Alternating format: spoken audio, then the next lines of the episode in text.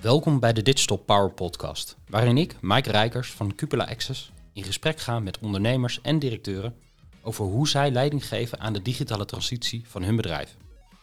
En in dit gesprek, of dit, eh, deze aflevering ga ik in gesprek met uh, Fabian Kok van de Hogeschool van Utrecht. En denk nog veel meer, maar dat zal je vast gaan vertellen.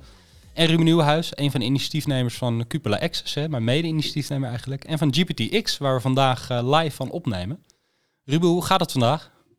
Ik vo volgens mij gaat het goed. En waar meet je dat dan aan af? Um, ik zie veel mensen die aan het glimlachen zijn. Een soort van verwondering op hun gezicht. Dat is wat ik zie. Zo van, en dan gaan die wenkbrauwen omhoog van. En dan, dan komen ze met hun verhaal. Want dan zien ze voor de eerste keer bijvoorbeeld Midjourney. Ja.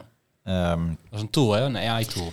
Visuals te maken. Klopt. Um, en um, ik zie allemaal netwerken, dus allemaal verschillende netwerken die samenkomen. Van, van juristen tot aan maar docenten, tot aan directeuren van MKB-organisaties, tot aan overheden. En die zijn allemaal op dezelfde plek en die zijn met een laptop open in een workshop aan het doen, aan het ervaren. Gewoon ermee bezig.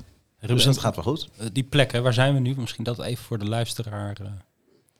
Uh... Ja, het is een, uh, een, gevangenis waar we zijn. In ieder geval een oud gevangenis. Dus in het verleden zaten hier mensen vast. En we proberen in deze tijd mensen helemaal los te krijgen. Ja. Dit is midden in Haarlem. Het is de koepel in Haarlem. En uh, ja, als je in het gebouw bent, dan heb je allemaal lagen. Het begint helemaal beneden met een, uh, een bioscoop. Maar de, je hebt ook een begane grond met een studio, een horeca. Je hebt collegezalen. Je hebt dig het, digital um, um, plekken voor, voor um, digitale teams. Uh, enzovoort. Dus dat is de plek.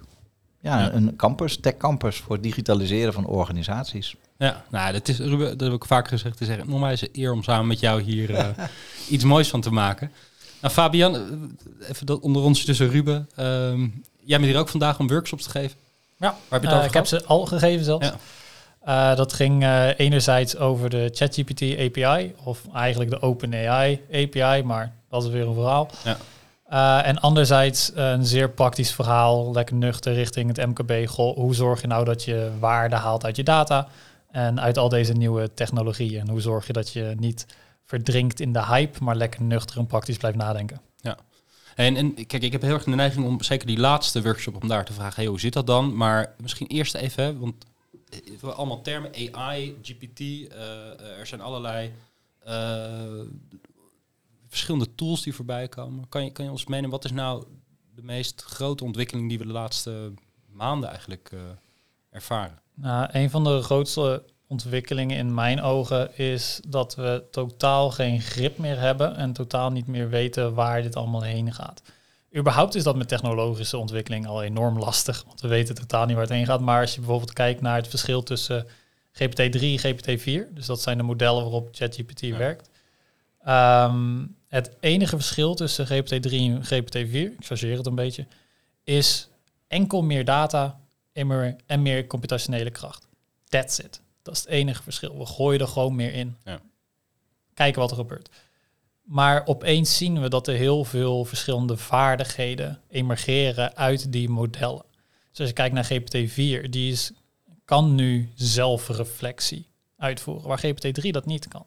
Dus je kunt nu een, um, een opdracht geven aan zo'n GPT-4-model en daarna zeggen, maar heb je het goed uitgevoerd? En dan kan het zichzelf gaan nachecken, heb ik dit wel of niet goed uitgevoerd? En zichzelf verbeteren. En daardoor krijg je nu, wat is weer een nieuwe hype, hype op hype, is uh, AutoGPT. En dan krijg je dus dat je een algemeen doel meegeeft. En dan gaat het machine zichzelf aanroepen. Het gaat nieuwe machientjes aanmaken die elk zijn eigen rol krijgt. En het enige wat je zegt, ik wil een website op dit bepaalde onderwerp. Dan gaat het één machientje aanroepen voor de social media, ander voor het bouwen van de website. En omdat het zichzelf kan verbeteren, kan het ook langzamerhand steeds meer taken uh, aanpakken. En dit brengt uiteindelijk een compleet nieuwe manier van werken mee. Wat aan de ene kant heel veel kansen biedt, maar aan de andere kant ook uh, eventueel heel zorgelijk kan zijn. Um, dus vooral daar grip op proberen te krijgen, dat is uh, ja. waar ik voornamelijk mee bezig ben. Ja, ja, het mooie is dat er af en toe loopt iemand door het, het branddeurtje heen in de koepel. En dan hoor je een klein geluidje op de Dat horen wij nu. Heel zachtjes, dus we kunnen lekker doorpraten. Oké. Ik mag ik een vraag stellen aan Zeker, ja, ja, heel graag. Ehm, want als je kijkt naar GPT, GPT, waar staat dat precies voor en hoe werkt het? Kun je dat in Jip en Janneke taal uitleggen? Ik zie wat ik zie als ik ChatGPT gebruik met een prompt. AutoGPT heb ik ook draaien thuis. Niet ik, maar mijn zoon. Want ik heb aan hem gevraagd om dat te activeren. Is hij twee uur mee bezig geweest, dat draait. Maar als ik aan mijn moeder wil uitleggen hoe, wat GPT is en hoe dat precies werkt, dan weet ik nog niet, die, noem het maar, dat te formuleren. Hoe zou jij dat uitleggen? Ehm, GPT is puur een eh, slimme computer die heel veel tekst krijgt en dan op basis van die tekst probeert te voorspellen ehm, wat er ergens ingevuld zou moeten worden. Dus je hebt wel eens van die eh, oude testjes, vooral voor mensen die bijvoorbeeld eh, een inburgerscursus doen om eh, de taal van Nederlands te leren. Vul het woordje in dat hier zou moeten staan. Dat is wat GPT doet. Het doet niks anders dan voorspellen, oh, wat is het meest waarschijnlijke woordje dat hier zou passen, gegeven de zin of het verhaal dat je meegeeft. Ehm, eigenlijk is dat de hele crux van het verhaal. Het is puur een voorspeller van welke tekst waarschijnlijk zou passen, gegeven de tekst die je meegeeft. Dat is het enige wat het eigenlijk doet. En dan geven we het steeds meer tekst mee en steeds meer taal mee. En taal herbergt heel veel kennis eh, van mensen. Ehm, en daardoor, eh, doordat het kan voorspellen wat waarschijnlijk een goed antwoord zou zijn op basis van wat jou aanvraagt, komen er opeens heel veel verschillende vaardigheden op los. Ehm, maar in de basis, zo cru mogelijk, ehm, het vult het lege plekje in de zin om. Dat is eigenlijk wat het doet. En wat, wat betekent het dan voor mensen die dat gebruiken? Wat bedoel je? Nou, kijk, iets dan de. Je hoort veel dat, dat, dat de nieuwe vorm van AI die we veel zien, hè, die, die generatieve AI, dat dat vooral nieuw is omdat het creatief kan zijn. Krijg je wel een heel erg leuke discussie over wat creativiteit is. Ehm, ik zit ook een beetje in de literatuur met betrekking tot creativiteit en is het creatief? Dat is een hele leuke discussie. Ehm, ja, wat betekent het voor mensen? Het hangt er puur vanaf waar je mee bezig bent. Eh, vaak zeggen mensen dat, eh, vooral in de hype van oh, AI gaat alles vervangen, daar geloof ik echt geen. Moet je hier heel eh, politiek correct zijn of niet? Want ik geloof er geen reet van. Duidelijk. over het algemeen, van hoe ik het zie, eh, ik zie AI vooral mensen ondersteunen en nieuwe kansen brengen. Ehm, en natuurlijk zal er wel wat vervangen worden, maar er zullen ook zoveel nieuwe eh, mogelijkheden bij komen dat eh, het uiteindelijk elkaar opvult. Het enige waar ik voornamelijk mee in mijn hoofd zit, zijn oudere mensen en mensen die ehm, niet van het lakenpak zijn van eeuwig blijven doorleren. Want dat is tegenwoordig, ja, het is een vaardigheid waar je niet meer zonder kan. Je moet kunnen blijven doorleren, want de wereld verandert veel te snel. Je moet mee kunnen. Uh, maar er zijn mensen die uh, dat lastig vinden of gewoon niet willen. En ja, ik, ik heb geen reden waarom dat slecht intrinsiek zou moeten zijn of iets dergelijks. Dus ik denk dat zulke mensen er wel echt last gaan hebben hiervan. Um, en ook vooral gewoon ouderen. Uh, want het gaat allemaal zo enorm rap. Ik zit fulltime uh, in de literatuur in dit geval. En ik vind het lastig bijbenen. Laat staan uh, mijn pa die, uh, praktisch, diribe die uh, praktisch diribeet is. Dus ik denk dat zulke mensen wel echt um, gaan struggelen hierin. Ja. Dat denk ik wel. Ja, interessant. Ja, maar, eh, ook voor mij een vraag nog daarover. Um, welke vaardigheid heb je nodig om de tooling die we nu beschikbaar krijgen goed te kunnen benutten? Dus we hebben in het verleden ging het over hè, de 21 uh, eeuwse vaardigheden. Het ging over computational thinking, creativiteit enzovoort. Dus dat klinkt nog heel abstract. Um, als je kijkt naar ChatGPT, naar Midjourney, naar dat soort tools, welke vaardigheid heb je nodig om alles uit een tool te halen? Dus als ik hè, bijvoorbeeld naar mijn moeder of mijn vader ga en ik zeg goh, ga ermee aan de slag. Uh, jij naar die hè, uh, van jou, wat moeten ze kunnen? Um, eigenlijk, als ik kijk naar basisvaardigheden, nieuwsgierigheid. Mhm. Mm -hmm. Je moet het gewoon interessant vinden. Of je moet nieuwsgierig zijn naar um, uh, wat het jou zou kunnen brengen. Um, of je moet die nieuwsgierigheid activeren op mm -hmm. de een of andere manier als je over de andere mensen praat. En daarnaast uh, eigenlijk een hele nuchtere uitblik en lekker experimenteren. Mhm. Ja, ehm, uiteindelijk een klein beetje bias, want ik zit natuurlijk in de wetenschap. Hoe we in de wetenschap eh, leren van wat werkt, is gewoon puur uitproberen. Probeer zo goed mogelijk een experimentje te doen. Mm. Werkt het wel, dan ga je ermee door. Werkt het niet, dan stop je ermee. En een hele praktische, pragmatische manier van kijken naar dit soort technologie. Goh, eh, dit is ook wat ik alleen maar zeg tegen het MKB. AI gebruiken is geen doel. Het is een middel. Je hebt uiteindelijk een uitdaging. En die wil je aan gaan Mm. pakken. En soms werkt AI daarvoor en soms niet. En ga er gewoon mee aan de slag. Wees nieuwsgierig. Wat kan het mij opleveren? En als het niks oplevert, is het prima. Eh, je, je wint of verliest er niks mee. Uh, ga er gewoon mee aan de slag. Wees lekker nieuwsgierig. En blijf gewoon lekker uitproberen en lekker experimenteren. Dat is eigenlijk wat ik in de basis zie als de vaardigheden die je in ja, eigenlijk generiek Hmm. gewoon nodig hebt om met technologische ontwikkelingen om te gaan. Het is bijna een soort houding die je beschrijft. En ik denk dat het eigenlijk dat het ook gewoon intrinsiek belangrijk is voor het leven. Ja. dus dan ga je helemaal diep naar de kern toe. Maar uh, ik heb dus ook met een, uh, een deelnemer een kort gesprek gehad over uh, onderwijs. En hoe we dus eigenlijk hier veel meer op in moeten springen. En hoe zorg je ervoor dat mensen hier goed mee omgaan. Ja, ik denk uiteindelijk dat het gaat om de basis. En de basis is in mijn ogen puur uh, nieuwsgierigheid. En um, niet bang zijn om te falen. Neem wat risico's, experimenteer lekker. En neem slimme risico's, maar ga gewoon lekker aan de slag en zie wat er komt. Ja.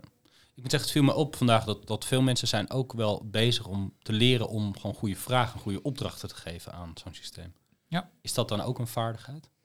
Ja, wat je dus nu heel veel hoort is prompt engineering. Dat is dan weer een nieuwe term die opkomt. Uh, ja, wel een lekkere term, toch? Ja, ja dat is wel lekker. Prompt engineering, maar dat ja, betekent uh, goed een vraag kunnen stellen. Zo, van, ik zie al t-shirts zo Ben jij, ben jij ook zo'n, of uh, iets, iets met op een shirt, zo van prompt engineer jij ook? Of? Ja, maar dat is best leuk, want zelfs in de, in de literatuur, als je daar nu in gaat duiken, echt in de wetenschap, Hmm. mm. heb je gewoon een paper van vijf pagina's en weet ik het hoeveel referenties.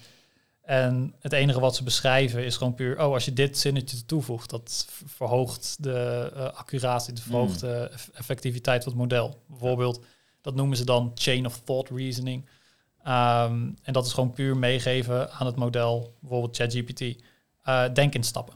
En okay. dat zorgt al voor een enorme verhoging in de effectiviteit van die uh, technologie. Puur en enkel zo'n zinnetje erachter ja. voegen. Maar dat is um, op zich iemand wat mensen kunnen leren, iets wat mensen kunnen leren. Ja, ja, en dat is ook wel een beetje het punt met al deze nieuwe technologie die uitkomt. We weten niet hoe het werkt. En we zijn dus nu, um, als nu, stel, hè, we zouden AI stoppen, wat nooit gaat gebeuren, maar stel we zouden het pauzeren. En we zouden het een jaar of twee jaar pauzeren. Dan zouden we nog zoveel waarde kunnen halen en zoveel meer kunnen halen uit de modellen die nu hier liggen. Ja. Dat het alsnog enorm waardevol zijn. Maar het stopt niet. Het gaat steeds sneller en sneller en sneller en meer en meer. Maar is dit nu, wat je doet, een waarschuwing geven van het gaat heel hard en het, we kunnen het niet, we hebben er geen grip of is het juist een aanmoediging om snelle dingen te proberen en toe te passen en aan de slag te gaan ermee? Uh, luister vooral niet naar mij. Ik, ik weet heel weinig. En ik zou uh, heel sceptisch zijn van ook maar iemand die zegt dat ze weten hoe ze hiermee om moeten gaan.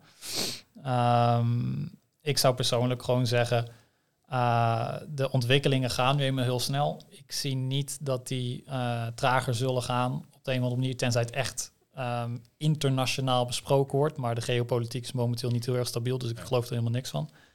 Um, het gaat gewoon door en we moeten er op de een of andere manier mee om leren gaan. Dus dat moet gebeuren. Laten we kijken hoe we dat het beste kunnen doen. Dat is een beetje mijn optiek erin. Hoe kijk jij daar naar, Ruben?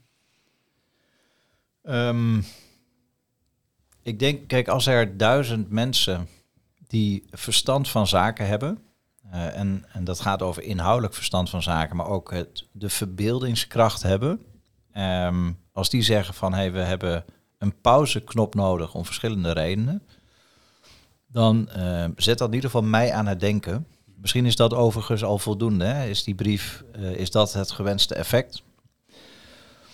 Dus voor mij is dat een, um, een van de redenen waarom we dit doen. Dit, wat we vandaag doen met GPTX is gewoon mensen uh, ermee aan de slag laten gaan. Want dan gaan ze nadenken. Want als je één keer het ziet, dan ga je je verbeeldingskracht gaat aan het uh, werk. Dat is het tweede is, ik wil mij tot mijzelf verhouden in mijn vak, ondernemer. Um, ik creëer nieuwe businessmodellen, ik bouw aan projecten.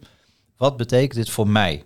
hoe kan ik het gebruiken, maar ook hoe, ehm, nou ja, kan iemand anders het ook gebruiken? En dus gaat het ten koste van de waarde die ik heb. Dus hoe kan ik mijn waarde vergroten? Ik als persoon, ik als professional. En hoe gaat het mijn waarde ook disrupten? Ik ga een voorbeeld geven. Ik, een van de dingen die ik goed kan, inmiddels ook door ehm, mijn carrière, is dat je businessmodellen kunt brainstormen. dus je kunt een business model canvas aangeleerd krijgen, maar vervolgens moet je nog wel een soort van creativiteit hebben om tot nieuwe businessmodellen te komen die vaardigheid, die kun je nu gewoon overlaten aan ChatGPT. Kom met vier businessmodellen. Um, met betrekking tot een nieuwe koffietent in Haarlem. Uh, waarmee we een niche doelgroep gaan bereiken. En dan, dan rolt het eruit. Ja. Of ik geef een ander voorbeeld. Um, als je uh, een soort van aanpak zoals een OKR's, hè, Objective Key Results, waarmee je organisaties kunt nou ja, naar voren kunt krijgen. Een soort van een besturingssysteem. Kom met bijvoorbeeld tien professionele doelen en kom vervolgens met key results. Hè, dat is een onderdeel van die aanpak. En dit is allemaal mijn kennis of expertise. Dus in het verleden hielp ik mensen hierbij van, nou, dan heb je bijvoorbeeld deze key result, die key result. En inmiddels heb je dus mij niet meer nodig. Dus dat is hoe ik daar ook op reflecteer. En, en laatste dus wat, ik zit nu in een fase van gebruiken en reflectie en perspectieven. Dus ik heb nog geen mening, dus mening uitstellen. Maar het, het gewoon tot me laten komen, uh, begrijpen wat ik moet afleren, het unlearnen. Dus ik zit in die fase. Ja. Dus ik heb eigenlijk nog niet echt een mening. Ik, ik snap de vraag, um, maar dat gaat ergens wel komen. De komende, nou ja, het gaat allemaal heel snel, hè, Fabian. Dus de, de komende weken moet ik tot een antwoord komen, heb ik begrepen. Want dat gaat allemaal veel sneller. Vroeger had je jaren. Nee, gekheid. Maar volgens mij, dit helpt ook het luisteren naar. Ik wil het ook beter begrijpen. Technologie wil ik beter begrijpen. Omdat ik wil snappen van welke technologie doet zijn eigen ding. En welke technologie kan uh, door de mens, als het ware, nog... Um, of wordt door de mens geactiveerd. Dus AutoGPT is zo fundamenteel. Dus op het moment dat ik dat begreep, dat dus het systeem zichzelf taken geeft. En dat je op die manier jezelf weer een taak kan geven. En dus dat je, het, je een, een, een actie helemaal kan laten afronden. hey, ik wil over twee weken wil ik naar Bali. Ik heb een budget van 3000 euro. En ik wil een aantal evenementen die als verrassing op mijn pad gaan komen. En dan gaat hij aan het plannen met een vliegtuigticket, met de events, hotels enzovoort. En je komt aan. En misschien is dit nog een beetje in de toekomst, misschien over een jaar of drie, vier. Maar hij gaat het gewoon in taken, gaat hij zo van, oké, er moet een vliegtuig moet er gereserveerd of geboekt worden. Dan moeten hotels worden. Het zijn gewoon taken. Onnavolgbaar. Dus dat is mind-blowing. Dus e-, e-, even nog, ik ga weer helemaal, ik, ik weet dat is een lang antwoord hoor. Uh, ik ga nog weer naar beginvraag de verwondering zagen we, of zien we hier. He, dus echt, dan gaan de wenkbrauwen gaan omhoog, maar we zagen ook wenkbrauwen naar beneden. Een soort van, de, van potdikke. Um, bijna angstig. Ja. Ik had dus dezelfde twee, uh, emoties. reactie toen jij vertelde over die, die vakantieboeken, zeg maar, wat je dan graag wil doen. dat, je, dat kan je heel snel zeggen, maar iedereen die dit luistert, denkt daar gewoon over na. Dat zoiets vanzelf kan gaan. Wat dat hoe ingewikkeld dat is en dat het blijkbaar vanzelf gaat. Dat, uh, ik vind dat, dat er bij mij verwondering op. En dan nog terug, kijk, we, uh, op een gegeven moment hadden we vliegtuigen. Dat ging wel, hè? Maar dat was natuurlijk ook onvoorstelbaar. En op een gegeven moment is dat, en we gaan. Dus het is ook van, hoe, nu is het nog magisch. Hoe lang blijft het magisch? Vind ik ook een interessante vraag. Ja. Iedereen die de eerste keer ChatGPT gebruikt, dan zit ik ernaast, leg ik het uit. Dat is, gaan ze helemaal open. En op een gegeven moment krijg je af van, nou, dit antwoord was niet helemaal wat het was. Oh, ligt het aan mij omdat ik die prompt moet verbeteren? Ik moet beter worden in vragen stellen? Of, ah, fascinerend toch, Fabian? Mhm. Ja, er gebeurt enorm veel in. En ehm, het is ook niet duidelijk uh, dat het beter gaat worden. Maar het is ook niet duidelijk dat het slechter zou worden of dat zou gaan stagneren. We hebben er geen blik op. Dus um, als je kijkt naar de technologische vooruitgang, het volgt een heel mooi lijntje omhoog. Maar uh, op een gegeven moment was, uh, als je kijkt terug naar GPT-2 en al die eerdere mm. modellen, daar klopte helemaal niks van. Niemand heeft dat gebruikt behalve jij. Nee, nee, dat was gewoon, dat had je gewoon heel weinig aan. En dan hadden ze op een gegeven moment eh, iets toegevoegd. Ze hadden GPT-3, dat werkte ook nog niet helemaal 100. En toen voegden ze, dat heet dan um, Reinforcement Learning with Human Feedback, RLAF. Dat is voor de, de, de nerds. Ja. Um, en dat betekende het enige wat ze deden, ze gaven, ze lieten heel veel mensen in India, want dat is goedkoop, kijken naar output. En dan gingen zij selecteren, oh, dit vind ik een goed antwoord, dit vind ik een slecht antwoord. Dan hadden ze, weet ik het, een een paar tientallen duizenden voorbeelden van, wat relatief weinig is. En toen werkte het opeens geweldig. En toen was die hele bottleneck weg. En daardoor kwam opeens ChatGPT in, in, uh, in existence. En dat is een heel klein iets en we hadden het niet kunnen voorspellen. En opeens werkt het geweldig. En dat is niet enkel ChatGPT, dat gaat ook met alle andere technologieën. En dat gaat maar door. En dat gaat in biomedische wetenschappen en dat gaat overal en overal en overal. En het kan zijn en dat is ook echt een mogelijkheid dat dit gewoon stopt en dat deze techniek uiteindelijk uh, dit jaar GPT-5 blijkt eigenlijk gewoon te plateauen en dat er eigenlijk gewoon geen vooruitgang meer in zit. Het kan ook zijn dat er opeens zoveel kennis in zit via de taal die het leert, dat het opeens vaardigheden krijgen van we denken van hoe kan dit nou weer? Net zoals we nu hadden met GPT-4 versus GPT-3. Dus er is geen pijl op te trekken, maar het kan heel veel kanten op gaan. Hey Fabian, een vraag aan jou. Jij zit in dit veld. Wij zijn, wij zijn um, niet zozeer op de zijlijn, Mike en ik. Voor ons is het een tool, maar jij zit in dit werkveld. Um, wat is, hoe zie jij jouw rol in dit werkveld? Momenteel help ik mensen zwemmen. Oké. Okay. En dat is... De, Heel en, kort uh, antwoord. Nee, maar dus, dus dan ben je badmeester? Niet verdrinken. Ja. Um, ja, semantiek. Uh, ik zit mijn rol hier ook nog maar in te vinden. Mm. Uh, alle ontwikkelingen afgelopen maanden gaan enorm rap. Uh, ik zit ook nog redelijk vroeg in mijn carrière, dus waar ik precies op wil gaan focussen, is ook nog een precies, eigenlijk best een vraag. Um, maar ik merk dat ik het, wat ik fijn vind, is mensen handgrepen geven. En ik wil niet um, iemands verantwoordelijkheid op mij nemen, alsof ik ervoor moet zorgen dat andere mensen kunnen zwemmen. Maar ik wil ze wel de mogelijkheid geven. In ieder geval, hier is de kennis, hier zijn de mogelijkheden. Dan weet je in ieder geval dat je ermee om aan de hand kan gaan en dat je er iets mee kan. En dan is jouw verantwoordelijkheid om er iets mee te doen. Dat, is, dat voelt een beetje als mijn rol. Ik wil gewoon kennis, vaardigheden overbrengen. En dan is het aan jou om er daadwerkelijk iets mee te doen.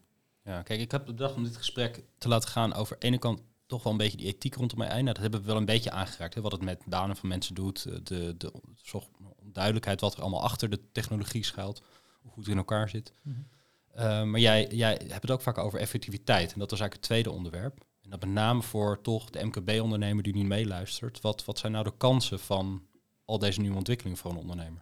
Ja, um, ja zoals ik, uh, ik kijk heel erg, ik ben heel erg nuchter en heel erg praktisch met dit soort dingen. Uh, ook überhaupt ethiek. Uh, ethiek is belangrijk natuurlijk als maatschappij, maar het is voor je bedrijf ook gewoon belangrijk omdat het risico vermindert er kan heel veel fout gaan met een AI. Ja. En er verantwoordelijk mee omgaan is ook gewoon een vangrail. Dat heel platgeslagen komt daar ook op neer voor je uh, Mijn vader zegt ook altijd, ja, ik kan wel heel uh, ethiek die laten lichten, die branden, zeg maar. Dus ja. dat is ook weer een beetje het lakenpak waar ik vandaan kom. maar die effectiviteit... Um, wat is precies je vraag? Want ik, ik lul altijd weer over, over van alles en nog wat. Het gaat wat, wat dan de kansen zijn van al deze ja, ontwikkelingen voor MKB'ers. Ja, ja, Eén um, belangrijk punt, en dat blijf ik zeggen en dat zeg ik altijd, um, is om niet te kijken naar AI als het doel. Je hoeft ChatGPT niet te gebruiken. Je moet het niet gebruiken. Er moet niks. Hetgeen waar het om gaat, is dat er bepaalde uitdagingen zijn binnen jouw persoonlijk werk, binnen jouw organisatie, binnen jouw afdeling. Dat moet leidend zijn. Het moet leidend zijn wat de uitdagingen zijn binnen jouw organisatie, welke tools er beschikbaar zijn om er eventueel mee om te gaan en wat de baten en kosten zijn van die verschillende oplossingen. Het kan zijn dat er een hele goedkope oplossing is die uh, uh, een bepaald proces 10 keer of uh, 10% uh, goedkoper maakt. En er is ook een heel duur proces, dat maakt het 11% goedkoper. Ja, dan ga je voor die 10%, want het, je wilt niet heel veel onderhoud plegen, je wilt niet dat iets jarenlange investeringen zijn. Je wilt gewoon waarde creëren. Ja. En dat wil je zo makkelijk mogelijk. En soms kan het met heel laaghangend fruit. Maar hetgeen wat ik heel erg zie, is dat mensen heel erg snel meegetrokken worden door die hype. Ik moet iets met ChatGPT. Je moet ja. niks. Kan je één concreet voorbeeld noemen waar, waar jij vindt dat dat echt op een goede manier is toegepast en die afweging goed is gemaakt? Ehm, nou, sowieso in het werk dat we doen, of waar ik werkte vanuit het uh, MKB Datalab, vanuit het daar was het ook gewoon heel erg geholpen vanuit de ondernemer. Dus goh, welke vraagstelling heb je en hoe ziet je data-infrastructuur eruit? En mensen kunnen wel enorm geholpen worden bij puur uh, een ticketing systeem verbinden aan een uh, sales systeem, aan je klantendatabase en daar een inzichtje uithalen van goh, uh, welke klanten heb ik? welke vragen komen er op over welke producten die ik verkoop? zitten daar bepaalde groeperingen? Kan ik daar clusters in vinden? Dat levert al zoveel waarde voor heel veel MKB, zonder dat het heel veel investering behoeft. En dat is zelfs iets wat je zelf nog bijna in elkaar kan sleutelen. Als je gewoon een klein beetje hulp krijgt. En ik denk dat er heel veel van zulke soort voorbeelden zijn. Nou, denk, we hebben heel veel MKB op deze manier geholpen. En dat gaat allemaal vanuit die gedachtegang van het is de uitdaging die leidend is. En er zijn heel veel manieren om die uitdaging aan te pakken. Soms is dat data science, soms is dat AI. En soms is het gewoon een businessproces net iets anders insteken. Um, dus dat is eigenlijk de gouden regel en hetgeen wat ik over en over op blijf hameren met iedereen waarbij ik spreek. Ja, mooi. Komt dat vandaag ook terug, Ruben? Deze boodschap? Um, Vanuit je vraag, of is het toch wel een beetje over de techniek gedreven, zeg maar, wat mensen hier komen? Nou, kijk, toen wij um, het GPTX bedachten, uh, ging het, hadden we één, we gaan gewoon het grootste AI-event organiseren, praktische AI-event. Ik, ik, heb nogal wat AI-events gehad de afgelopen jaren. Maar allemaal panels. Zaten dan altijd drie mensen, was altijd dan een, eh, een mix panel, wat dat moet. En dan gingen ze ellenlang praten over algoritmes. En, ehm, en dan ging je daar vandaan en denk je, oh oké, ik, heb, ik, heb, ik snap er nog niks van. En de user interface was niet zichtbaar. Ja. En opeens is die user interface zichtbaar. Dat was eind vorig jaar. Met ChatGPT. Met ChatGPT, met, met, met Midjourney en met Copy AI en met nou ja, Jasper. En er zijn er vele. Overigens, die zijn pas ontdekt door ChatGPT, maar toch. Toen hebben we gezegd, of, toen ben ik gewoon twee weken lang eind december gaan studeren. Gewoon tools gaan uitproberen om te snappen waar gaat dit over. En uh, vervolgens dan, we gaan een event organiseren met 48 workshops waar mensen gewoon aan de slag gaan. En dat is een platform voor experts, voor toolleveranciers, uh, om deze newbies, late adopters, en het grappige is, vroeger waren late adopters vijf jaar of tien jaar later, inmiddels is het, noem het maar, twee of drie maanden later, om die gewoon um, aan de slag te krijgen. Ja. En van daaruit gebeuren de dingen die gebeuren. En dan, ik bedoel, ik heb dat losgelaten. Dus ik heb workshops die um, helemaal praktisch zijn, laptop open. Ik heb workshops wat meer een dialoog sessie is. Dus ah, dat is meer dan de, um, wat nodig is om een beweging te krijgen. Um, vaak zeg ik, je hebt de fast brain en de slow brain. Er is een heel mooi boek over geschreven. Ik denk dat ook een aantal workshops gaan echt over de slow brain. Waarbij je over vier weken denkt, ah, wacht even. Dit ga ik nu doen of dit moet ik inzetten of ik moet die moet ik bellen. Kortom, het is een beetje een abstract antwoord op jouw vraag. Ik denk dat er zijn 48 workshops, er zijn 700 deelnemers en er is precies gedaan door de mensen wat er nodig was. En er zijn precies de deelnemers die daarnaar op zoek waren. Ja, want het hele punt is ook met zo'n evenement. Je krijgt gewoon heel veel perspectieven. Ja. Mijn perspectief is ook maar één perspectief. Ik kan het fout hebben, right? Ja. Dus het is juist ook goed om verschillende perspectieven binnen te krijgen, zodat jij uiteindelijk je eigen gedachten kan vormen. En dat is denk ik zo'n evenement als dit een prachtig, uh, prachtige kans voor. Nou, weet je, wat voor mij het mooiste aan het event is, dat het ook wel kenmerkend is voor de snelheid van technologie. Want vorig jaar hadden we het in dezelfde soort setting over NFT.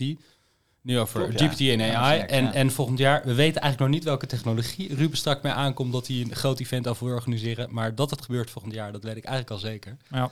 Voor mij is dat een mooie afsluiting voor het gesprek. Dank jullie wel, uh, heren. Dankjewel.